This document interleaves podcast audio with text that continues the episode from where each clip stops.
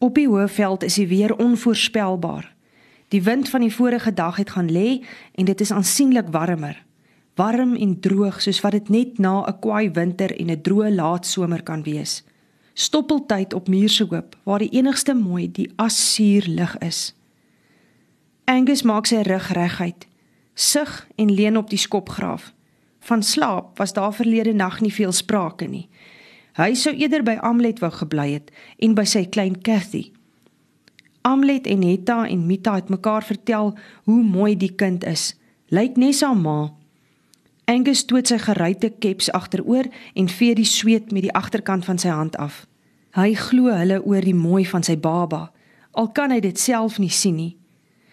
Vir hom lyk sy maar net soos 'n baba, pink en verkreukel. Maar sy is syne. Hy glo dat sy soos Amlet lyk. Hoe dan anders?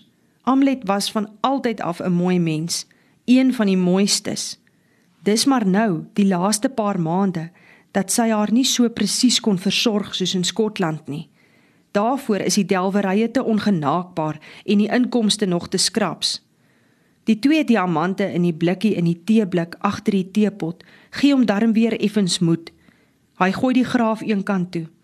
Ek gaan een van ons diamante verkoop, sê hy vir Jakob en klim teen die skuinste van die klim uit.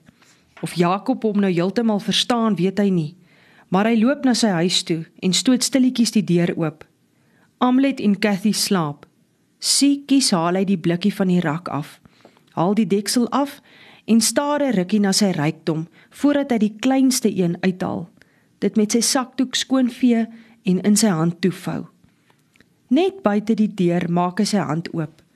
Die klippie skitter in die son, 'n silwer sonnetjie, so groot soos 'n groter geryskorrel. Hy haal sy sakdoek uit en oorweeg dit om die diamant daarin toe te knoop, maar dit kan daarin wegraak en hy haal die medisyne botteltjie uit sy baadjie sak. Hy voel die letters onder sy vingers toe hy die proppie aftrek en die diamant in die botteltjie insit. 'n Ryskorreltjie, dink hy toe hy aanstryk. 'n Ryskorreltjie vir melk en water en vuurmaakhout. Dan nog Jakob se loon miskien koffie en suiker en tee vir Amlet. Nog net so 4 of 5 korreltjies van die vader se jammerklippies en hy kan sy vrou en kind terug huis toe vat. Glimlag hy. En hy sit die botteltjie terug in sy sak en loop met sy hand in sy baadjie sak om Lennon se glaskluisie geklem. Jammerklippie, het Jakob gesê. Jammer dit was nie groter nie. Angus moes lank dink voordat hy die betekenis kon uitwerk. Ek vat die klein jammerklippie, sê Angus vir Jakob toe hy by die klein verbyloop op pad na die diamantkoper se kastige kantoor. Jakob lag want dit is 'n taal wat hy ook verstaan, iets waarin hy 'n aandeel het. Uiteindelik iets vir die afgelope maande se gegrawe. Uiteindelik ietsie blinks uit die modderige porrel, klein maar 'n leefdom vir hulle. Angus kronkel al met die smal paadjie langs tussen die kleinsteur. Dis nie 'n pad wat hy ken nie, maar watter delwer weet nie instinktief waar die koper se kaja staan nie. En 'n delwer wat die tyd van die oggend doelgerig stap, het net een doel voor oë. Anders los 'n goeie delwer nie sommer sy kleim nie. Hier en daar groet iemand en skree hy moet wys hoeveel karat. Dis duidelik dat hy op pad is na die koper se kantoortjies toe raad uit die gate oor watter koper kwansuis die beste is. Nie die eerlikste nie, want dis juis hy wat die gladste lieg. 'n Eerlike diamantkoper is so skaars soos 'n klippie in 'n uitgewerkte kleim. As Angus wil, kan hy die diamant sommer hier los. Daar's genoeg eerlike delwers wat dit namens hom aan die beste verkoper sal gaan wys. Toe hy terugloop, wil hulle weet hoeveel hy gekry het. Dit het die maande op die delwery om klaar geleer. Moenie sê hoeveel jy kry nie, want naas Delf is leen die hoofbedryf tussen die gate. Die prys is elke delwer se eie saak. Nie eens sy werkers weet die hele waarheid nie. Jakob sit die pik neer toe Angus die twee munte in sy hand uitkeer. Die arbeider is sy loon werd, sê Angus. En al begryp Jakob die Engelse sin nie woord vir woord nie, weet hy klein 164 se geluk het begin draai.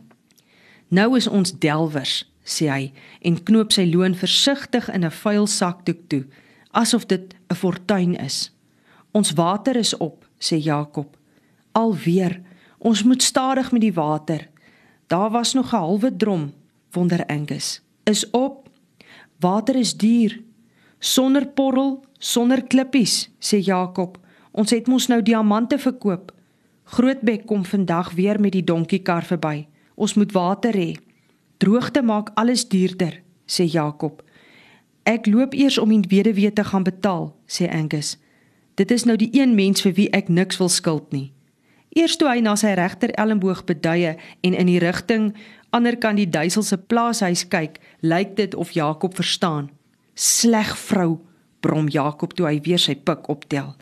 Agter hom hoor Angus die nuwe ywer waarmee Jakob Tereko die grond storm.